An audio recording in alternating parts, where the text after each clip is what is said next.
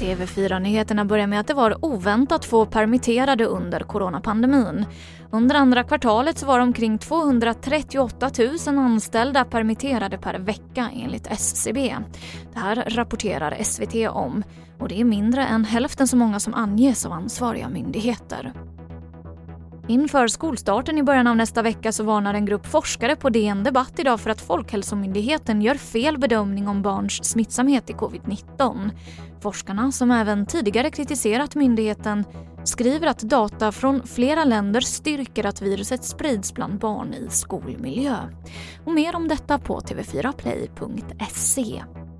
Minst 10% av alla utvisningsdömda brottslingar utvisas aldrig. Det handlar om 600 brottslingar mellan 2012 och 2019. Det här visar en sammanställning av gränspolisens statistik som SR rapporterar om. Och USAs president Donald Trumps yngre bror Robert Trump har avlidit på ett sjukhus i New York efter en tids sjukdom. Det här meddelar Vita huset. Robert Trump blev 71 år gammal. Och det var det senaste från TV4 Nyheterna. Jag heter Emily Olsson.